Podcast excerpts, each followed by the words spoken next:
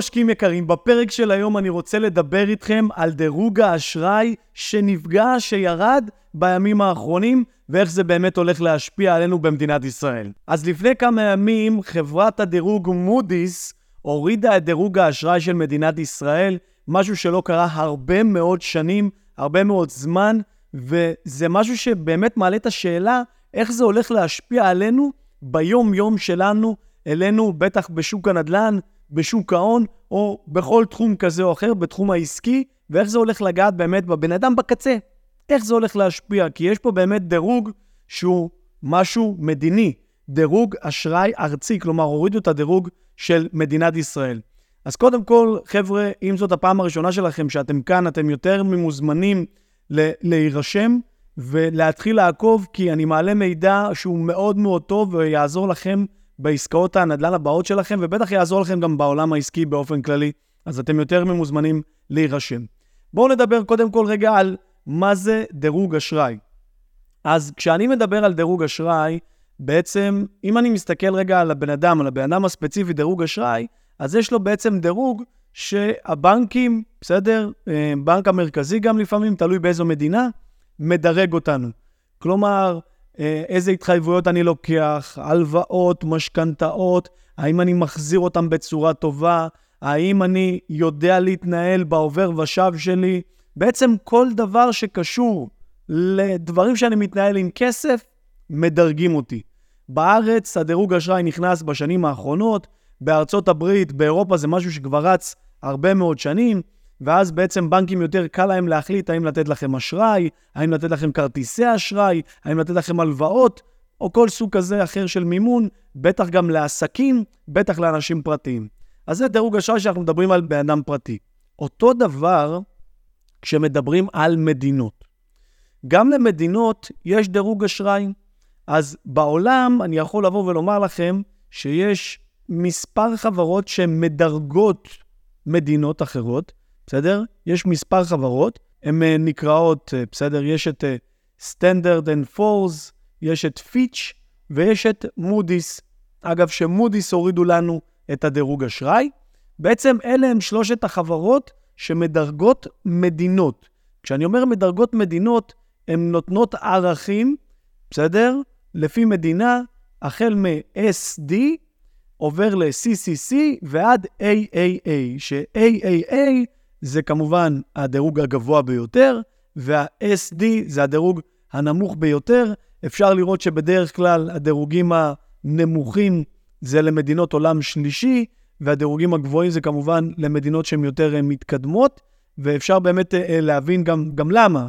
מדינות שהן יותר מתקדמות, גם יש להן אה, יותר ביטחון והן מדינות יותר עשירות. אז בעצם, מה אכפת, מה אכפת לי או למדינה שידרגו או לא ידרגו.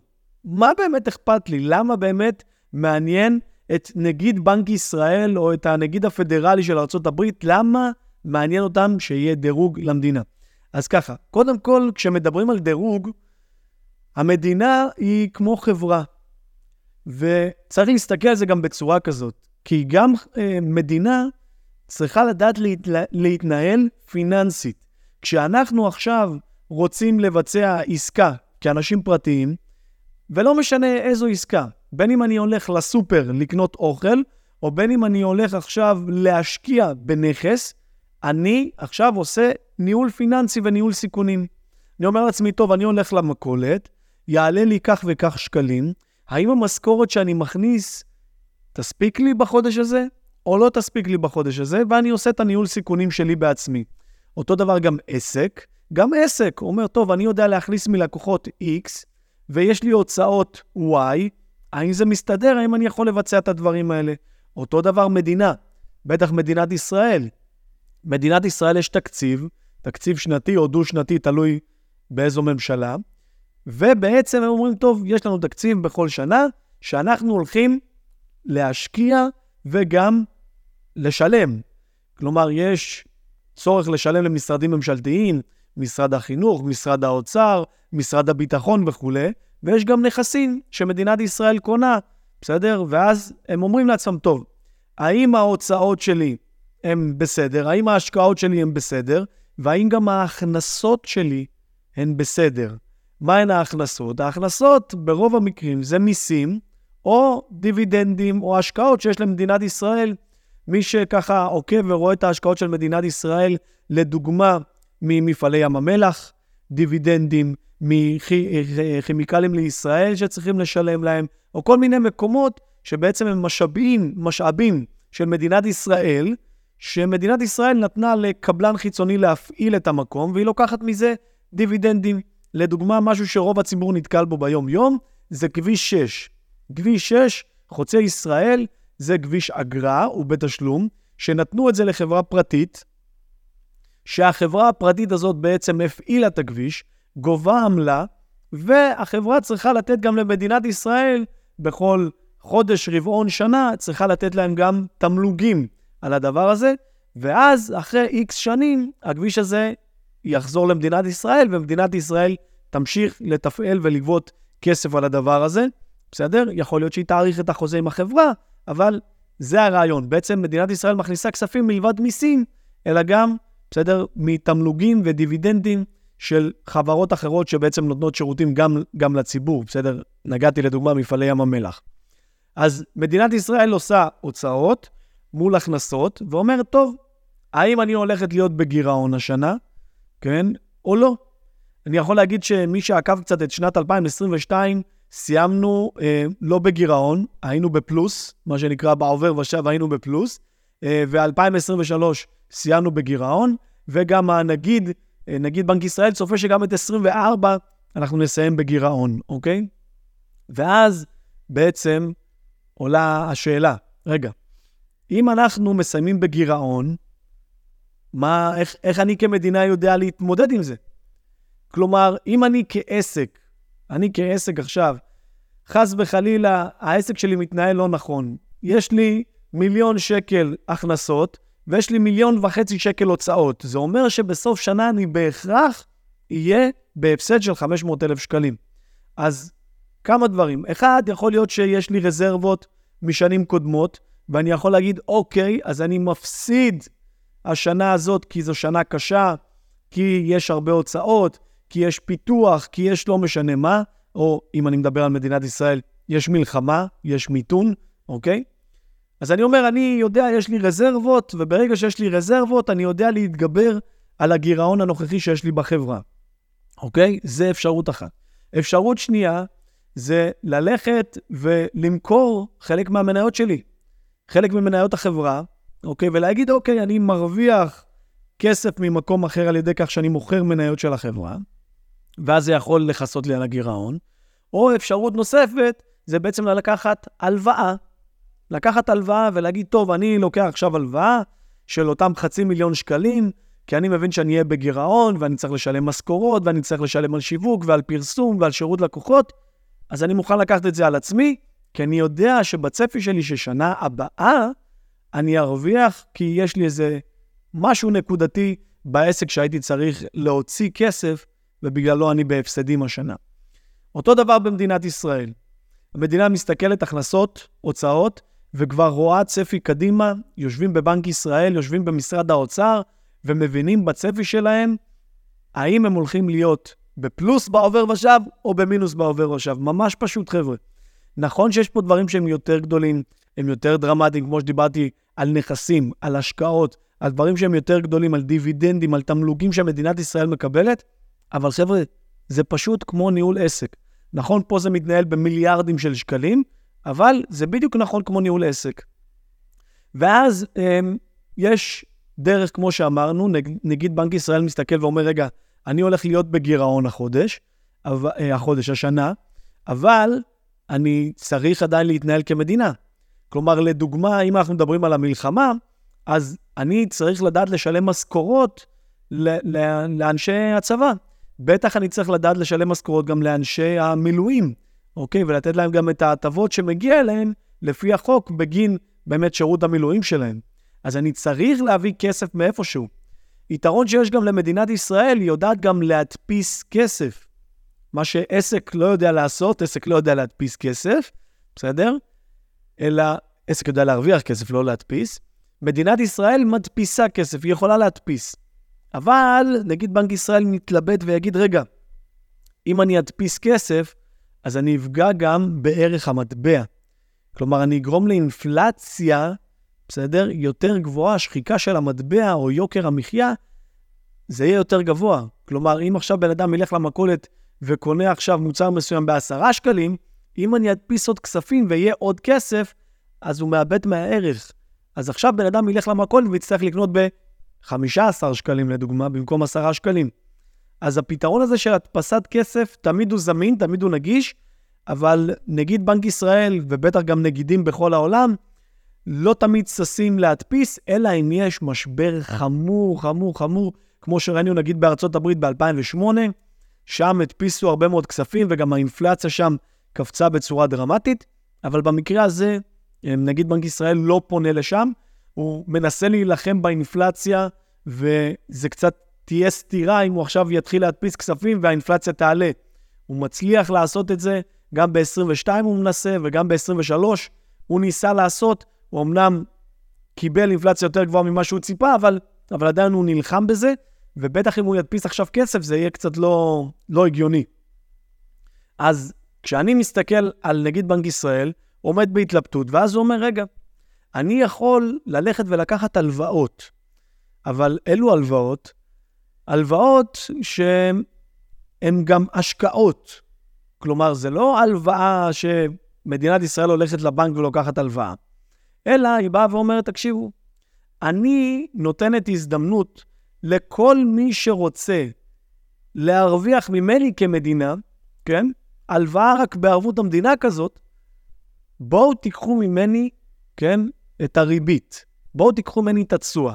איך היא עושה את זה? היא מנפיקה מוצר שנקרא אגרות חוב. אגרות חוב, או בקיצור אג"ח, כן, אג"ח ממשלתי, אלה בעצם אגרות חוב שמדינת ישראל באה ואומרת, אני צריכה כסף למשהו, לדבר מסוים, אני עכשיו מוכרת אגרות חוב, ואני מתחייבת לשלם ריבית לאותו בן אדם שקנה באמת את אגרות החוב. ואז בעצם מגיע בן אדם, אגב, גם הבן אדם הפרטי, יכול לקנות לעצמו אגרות חוב של המדינה. בן אדם שנמצא בתוך מדינת ישראל, ובטח גם אנשים בחו"ל, ובטח מדינות בחו"ל, אוקיי? עוד רגע נדבר על, על הדירוג ואיך זה משפיע. ואז אה, היא מנפיקה אגרות חוב, לדוגמה, היא רוצה לפתח טיל אה, חץ מסוים, או רוצה לפתח עכשיו אה, טנק מרכבה משודרג, או רוצה עכשיו להתחיל ביישוב של אזור מסוים והיא צריכה הון. אז היא מנפיקה עכשיו אגרות חוב, וברגע שהיא מנפיקה אגרות חוב, היא באה ואומרת לעצמה, טוב, אני עכשיו אתחיל למכור את האגרות חוב האלה לציבור, אני מתחייבת שאני אתן ריבית גם לציבור, אבל אנחנו פורסים את זה לתקופת זמן ארוכה, כמו הלוואה רגילה. חמש שנים, עשר שנים, חמש עשרה שנים, עשרים שנה וגם שלושים שנה, וכמובן, ככל שהפרק זמן יהיה ארוך יותר, גם הריבית על אותה איגרת חוב תהיה גבוהה יותר. אז אני יכול לבוא ולומר שברגע שאתם רואים איגרות חוב של מדינת ישראל, אתם מנפיקים, אז אתם יודעים בעצם להגיע לנקודה שמדינת ישראל תשלם לכם יותר ריבית על הכסף שאתם קונים בה באמת את איגרת החוב. ואז זה גם פונה למדינות האחרות. מדינות אחרות בעולם מסתכלות ואומרות, אוקיי, אנחנו מסתכלים רגע על הדוחות של מדינת ישראל. אנחנו מסתכלים על הגירעון של מדינת ישראל. אנחנו מסתכלים על הפיתוח, על הנכסים, על הדיבידנדים, על התמלוגים של מדינת ישראל. ואז הם מחליטים האם לקנות אגרות חוב או לא לקנות אגרות חוב. יושב עכשיו הנגיד של הבנק המרכזי, לדוגמה באנגליה, ואומר, רגע, אני עכשיו, כנגיד של אנגליה, רוצה לעשות השקעות, כי אני רוצה להכניס עוד כסף למדינה שלי, אני רוצה שלא יהיה לי גירעון בסוף שנה, אני רוצה להרוויח. אז הוא מפזר את ההשקעות שלו, וחלק מההשקעות הסולידיות, הסולידיות, שאגב תופסות משקל מאוד מרכזי, שמדברים על תקציב ממשלתי, על תקציב של מדינה, ההשקעות הסולידיות בין היתר נכנס גם אגרות חוב של מדינות. ואז הנגיד, לדוגמה של אנגליה, נגיד הבנק המרכזי יושב ואומר לעצמו, רגע, איזו מדינה אני ארצה לקנות את אגרות החוב שלה? האם אני ארצה לקנות אגרות חוב של מדינות שהדירוג שלהן הוא C, C שזה נמוך, B או A, A שזה גבוה. ואז הוא מסתכל על החלק מההשקעות שלו שהן סולידיות, והוא בטח ירצה ללכת ולקנות דירוג אשראי גבוה. כלומר, A, A אפילו double A, אם לא triple A, triple A בעצם 3A. ואז הוא הולך לכיוון הזה. כשמסתכלים באמת על אה, מדינת ישראל, מדינת ישראל, אחד היתרונות הטובים שלנו בתוך המדינה, שאנחנו מדינה מתפתחת. אנחנו מדינה מתפתחת, אבל יש לנו גם מנטליות של מדינה מפותחת. בסדר? מדינה מפותחת, אם אני אסתכל לדוגמה על ארצות הברית, או על קנדה, או על מדינות באירופה, הן מדינות שהן מפותחות, ובגלל זה גם דירוג האשראי שלהן גבוה. אם תסתכלו על קנדה נגיד, או על אוסטרליה, שם יש להן דירוג אשראי מאוד גבוה, כי הן מדינות שהן לא מתפתחות, הן מדינות מפותחות. ובגלל שהן מדינות מפותחות, התזוזות שם, הפיתוח או לא פיתוח, הוא יחסית נע בצורה מאוד מאוד מאוד קטנה. כי בסופו של יום, מדינה שכבר קיימת מאות של שנים, הפיתוח שלהם קרה כבר, קרה כבר בהיסטוריה. עכשיו הוא פחות קורה, זה לא שהוא לא קורה, אבל גם שיהיה פיתוח, הוא פיתוח שהוא יחסית נמוך. אם תשוו את זה נגיד לשוק הפרטי, אם תסתכלו נגיד על חברת uh, סטארט-אפ, כן? או על חברה שהיא כבר קיימת 30 שנה והיא מונפקת בבורסה והיא בשווי של מיליארדים של שקלים, אוקיי? זאת ההשוואה. מדינה מתפתחת, סטארט-אפ, או מדינה שהיא מפותחת, שהיא מונפקת בבורסה כבר הרבה מאוד שנים. סביר להניח שלא תהיה תזוזה גדולה בחברות המפותחות, במדינות המפותחות, אלא דווקא במתפתחות. ובגלל זה, אגב, כשאנחנו מדברים על אגרות חוב, אז זה משהו שכמובן בא ונותן את, ה... את המקפצה. כלומר, גם בן אדם שעכשיו קונה אגרות חוב של מדינות מתפתחות, הוא לוקח בחשבון שיכול להיות שהוא לא יקבל את אותה ריבית. כי כמו בחברת סטארט-אפ, מגיע עכשיו בן אדם ומשקיע באותה חברת סטארט-אפ, והוא מבין שיש לו פה סיכון יותר גבוה. ברגע שזה סיכון יותר גבוה, יכול להיות שהוא לא יראה את הכסף חזרה, אבל מנגד יכול מאוד שהוא ירוויח גם מאות, אם לא אלפי אחוזים, על אותו כסף שהוא השקיע. ובגלל זה מדינות מסתכלות ואומרות, רגע, ככל שדירוג האשראי שלי יותר גבוה, יותר סביר שיקנו את אגרות החוב שלי לא הציבור, אלא מקומות מוסדיים, בנקים, מדינות, יקנו יותר את האגרות חוב שלי. וברגע שהן קונות את האגרות חוב שלי, אחד זה מזרים יותר כסף למדינה, שהמדינה בעצם יודעת להתנהל ויודעת להשקיע ומחליטה בעצם מה היא עושה עם הכסף הזה, וזה עוזר להם מאוד.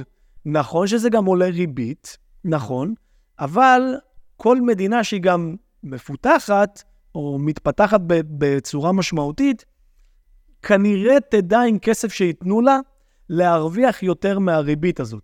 כלומר, אם עכשיו לצורך העניין מדינה נתנה ריבית על איגרת חוב של 5% בשנה, אז כנראה שהמדינה הזאת תדע לייצר 7% או 8%, ואז לתת את הריבית חזרה לאותו גוף שהשקיע וקנה את איגרת החוב, ו... ואז יישאר גם אקסטרה.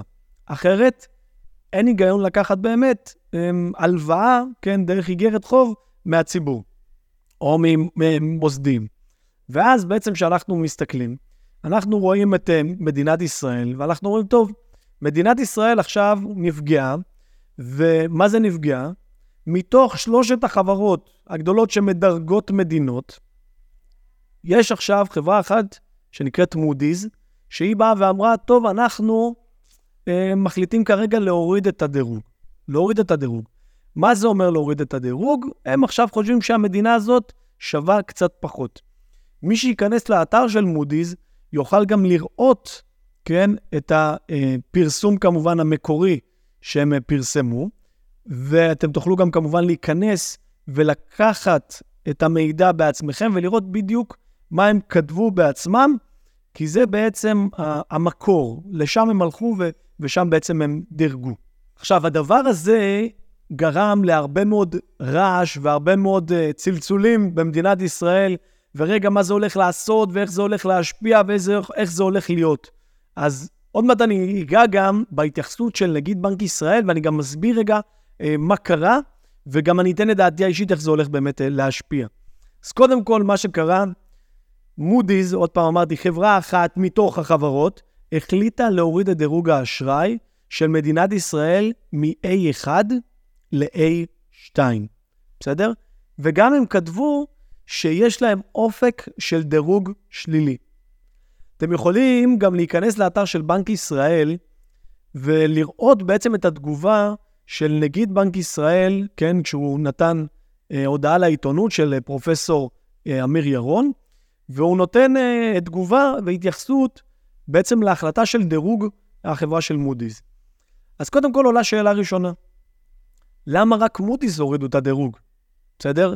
והאם זה יגרום גם לחברות האחרות להוריד את הדירוג האשראי? אז קודם כל, אנחנו לא באמת יודעים.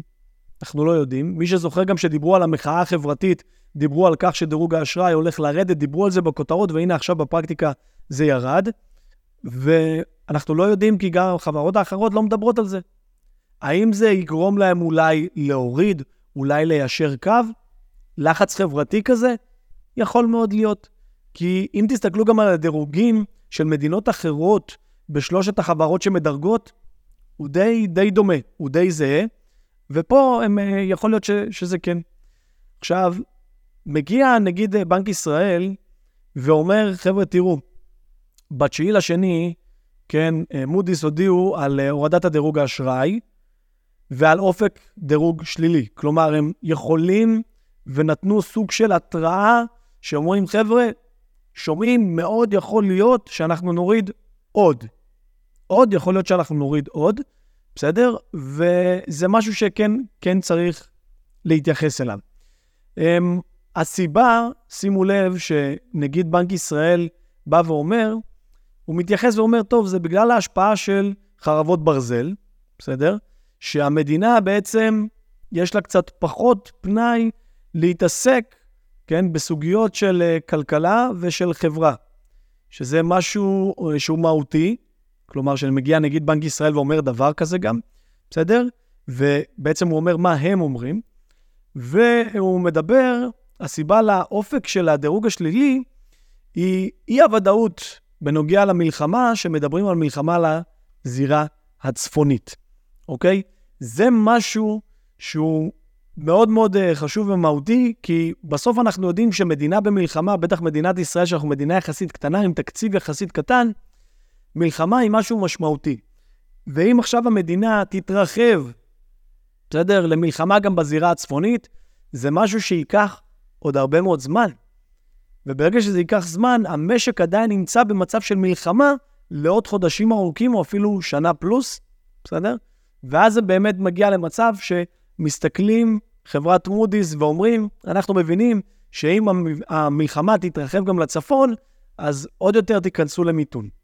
באותה נשימה, אומר גם uh, הנגיד, שמודי'ס גם התייחסו ואמרו שהם מסתכלים שהם מסתכלים גם ברמת המקרו-כלכלה, כן, שבישראל יש אה, מקרו-כלכלה, בסדר, שהוא איתן והוא מצוין, ויש עמידות למשק הישראלי. הוא לא חושב שהחברה, מודי'ס, חושבת שמדינת ישראל הולכת לפני קריסה כלכלית, אוקיי?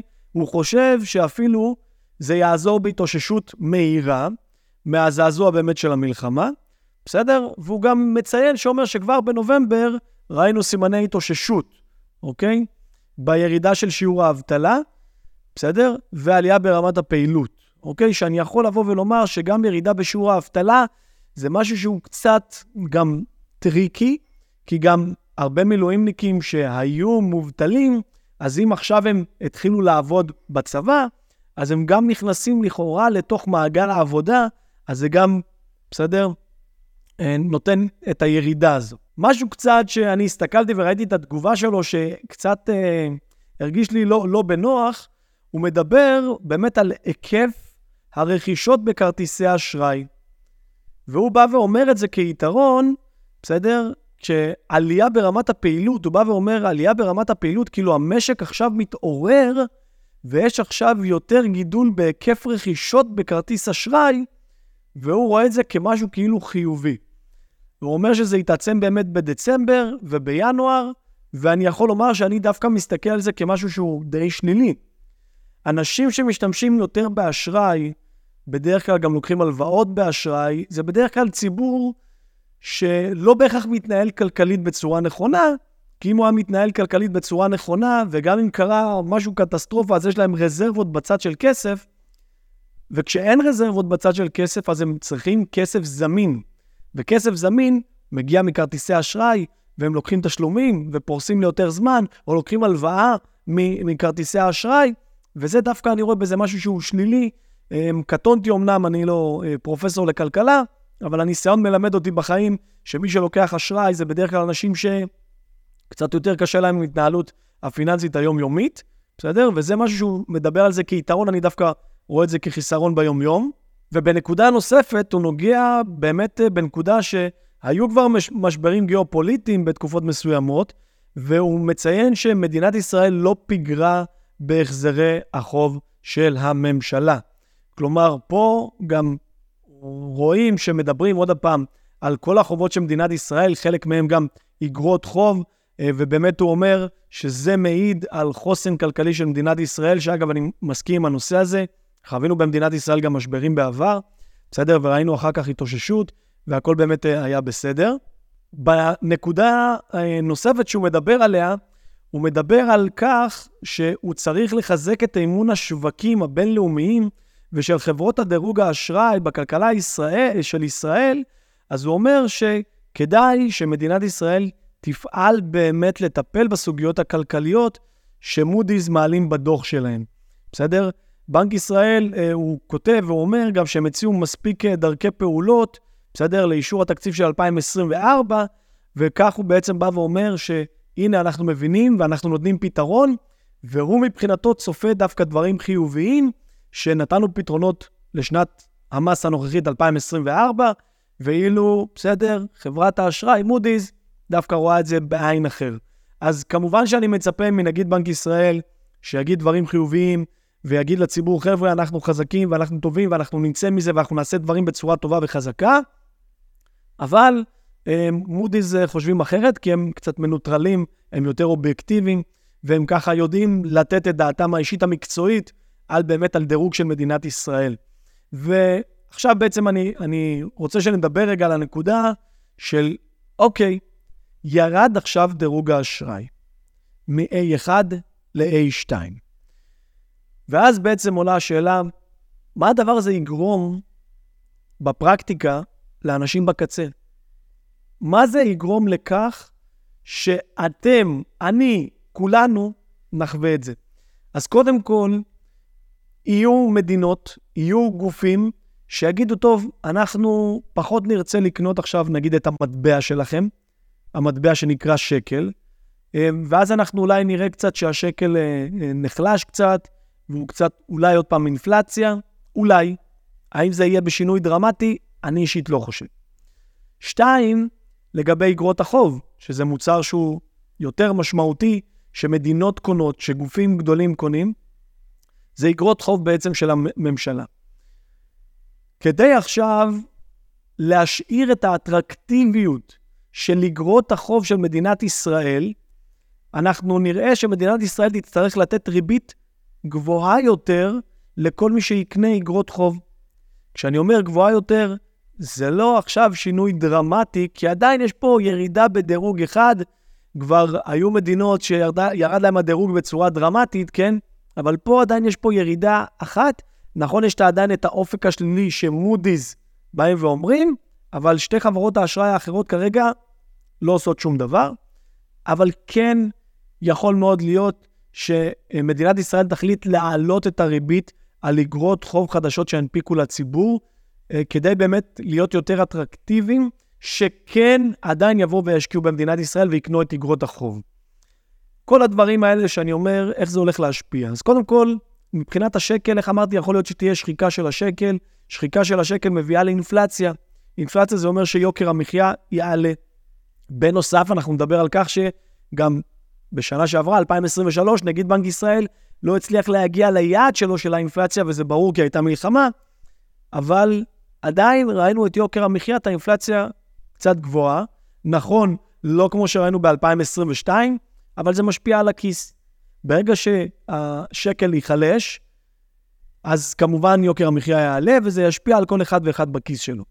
ואגב, זה יכול לצאת גם תגובה, כמו שנגיד בנק ישראל כבר הראה לנו, שהוא, מה הוא עשה בתגובה להורדת האינפלציה? מה שהוא עשה, הוא בעצם העלה את הריבית.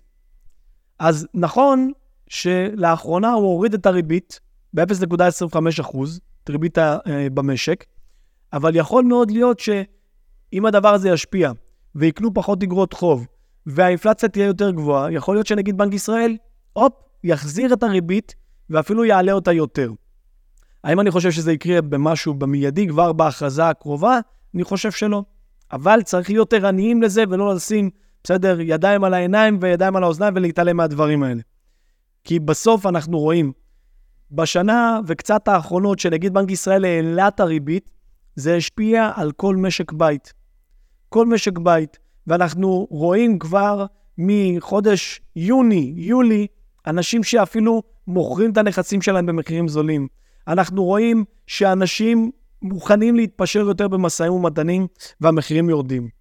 אז אם עכשיו באמת יחליט הנגיד להעלות את הריבית כי הוא צופה שהאינפלציה תעלה, אז כמובן האפקט הזה ימשיך לעבוד ולפגוע, כלומר, אנחנו נראה שמחירי הנדל"ן עוד ימשיכו לרדת. האם עכשיו זה יהיה בצורה דרמטית? כרגע כנראה שלא. רק חברה אחת הורידה דירוג והורידה רק דירוג אחד, זה לא יהיה דרמטי, אבל כן צריך לעקוב. מה זה אומר רגע בצד גם של שוק ההון? צריך גם לדבר על זה. אז בדרך כלל כשיש הודעות דרמטיות כאלה, השוק ככה אה, יכול להגיב לשני כיוונים. אחד, להגיד, טוב, אני קצת פחות מאמין, בסדר, והשוק יורד, או מנגד, הנה עכשיו אני מבין שמדינת ישראל נכנסה למשבר, וייתנו גם ריביות יותר אטרקטיביות על אגרות חוב, אז בואו דווקא נקנה. האם יהיה פה עכשיו שינויים דרמטיים? כנראה שלא. רוצה לומר, חבר'ה, שכל הדירוג האשראי הזה של מודי'ס, ספציפית על מודי'ס, חבר'ה, שימו לב, אני מדבר, כי שתי חברות האשראי הנוספות לא עשו שינוי. האם זה עכשיו ייתן דירוג דרמטי? האם זה עכשיו ישפיע על המחיה שלנו ביום-יום, על שוק הנדל"ן? כנראה שלא. האם זה יכול להיות בעקיפין? יכול להיות שכן, אבל גם פה אנחנו צריכים להיות ערניים וזהירים. האם זה אומר שנגיד בנק ישראל יעלה ב-0.25% את הריבית? לא, יכול להיות שהוא יעלה ב-0.1% את הריבית. כלומר, לא בהכרח שהורידו את הדירוג וזה כותרת מאוד בומבסטית ועוד מפוצצת, זה לא בהכרח ישפיע עלינו בקצה, בין אם זה בכלכלת בית, בין אם זה בהלוואות, בין אם זה בשוק הנדל"ן, כי אנחנו גם ככה בשוק הנדל"ן חווים כבר משבר עכשיו גם בגלל המלחמה, אז אם עכשיו ירד בעוד קצת מחירי הנדל"ן, זה לא יהיה שינוי דרמטי. ולכן, אם אני מסכם את זה, אמנם הורדת דירוג, לא רואה פה שינוי דרמטי שהולך להיות, אבל כן צריך לשים עין ולראות שזה לא הופך להיות משהו שיטתי, וגם החברות האחרות מורידות, וגם מודי'ס יוריד בהמשך השנה עוד הפעם, כי אם זה יקרה, אז האינפלציה יכולה לעלות בצורה דרמטית, ואז אנחנו כמובן נחווה פה משבר עוד יותר עמוק. אלה הדברים, חבר'ה, אם יש לכם גם דברים להוסיף, תכתבו לי כמובן בתגובות. מאוד שמחתי לדבר איתכם על הנושא הזה. אני הייתי שי שור, שיהיה המון המון בהצלחה, והכי חשוב, תמשיכו לעשות נדל"ן.